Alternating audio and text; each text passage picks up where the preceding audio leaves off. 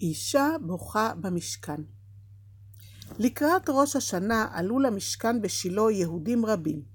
הם באו להתפלל לאלוקים ולבקש שיברך אותם בשנה טובה ומתוקה.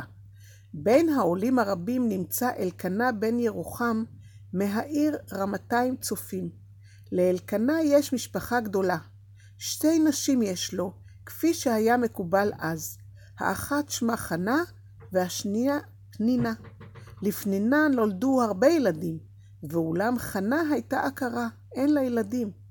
לכבוד חג ראש השנה, הביא אלקנה קורבן לאלוקים. אלקנה הצטער עם חנה אשתו על שלא זכתה לילדים משלה.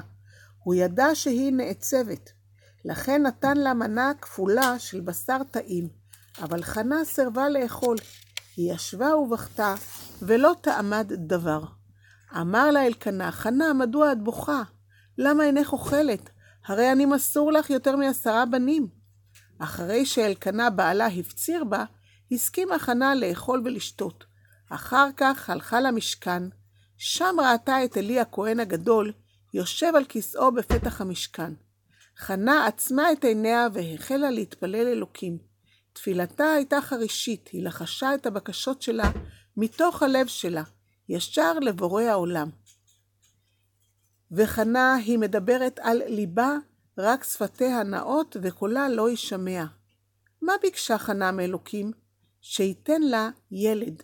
ילד קטן, ילד שלה. ילד שיצחק, שיבכה, לא משנה, היא רוצה ילד.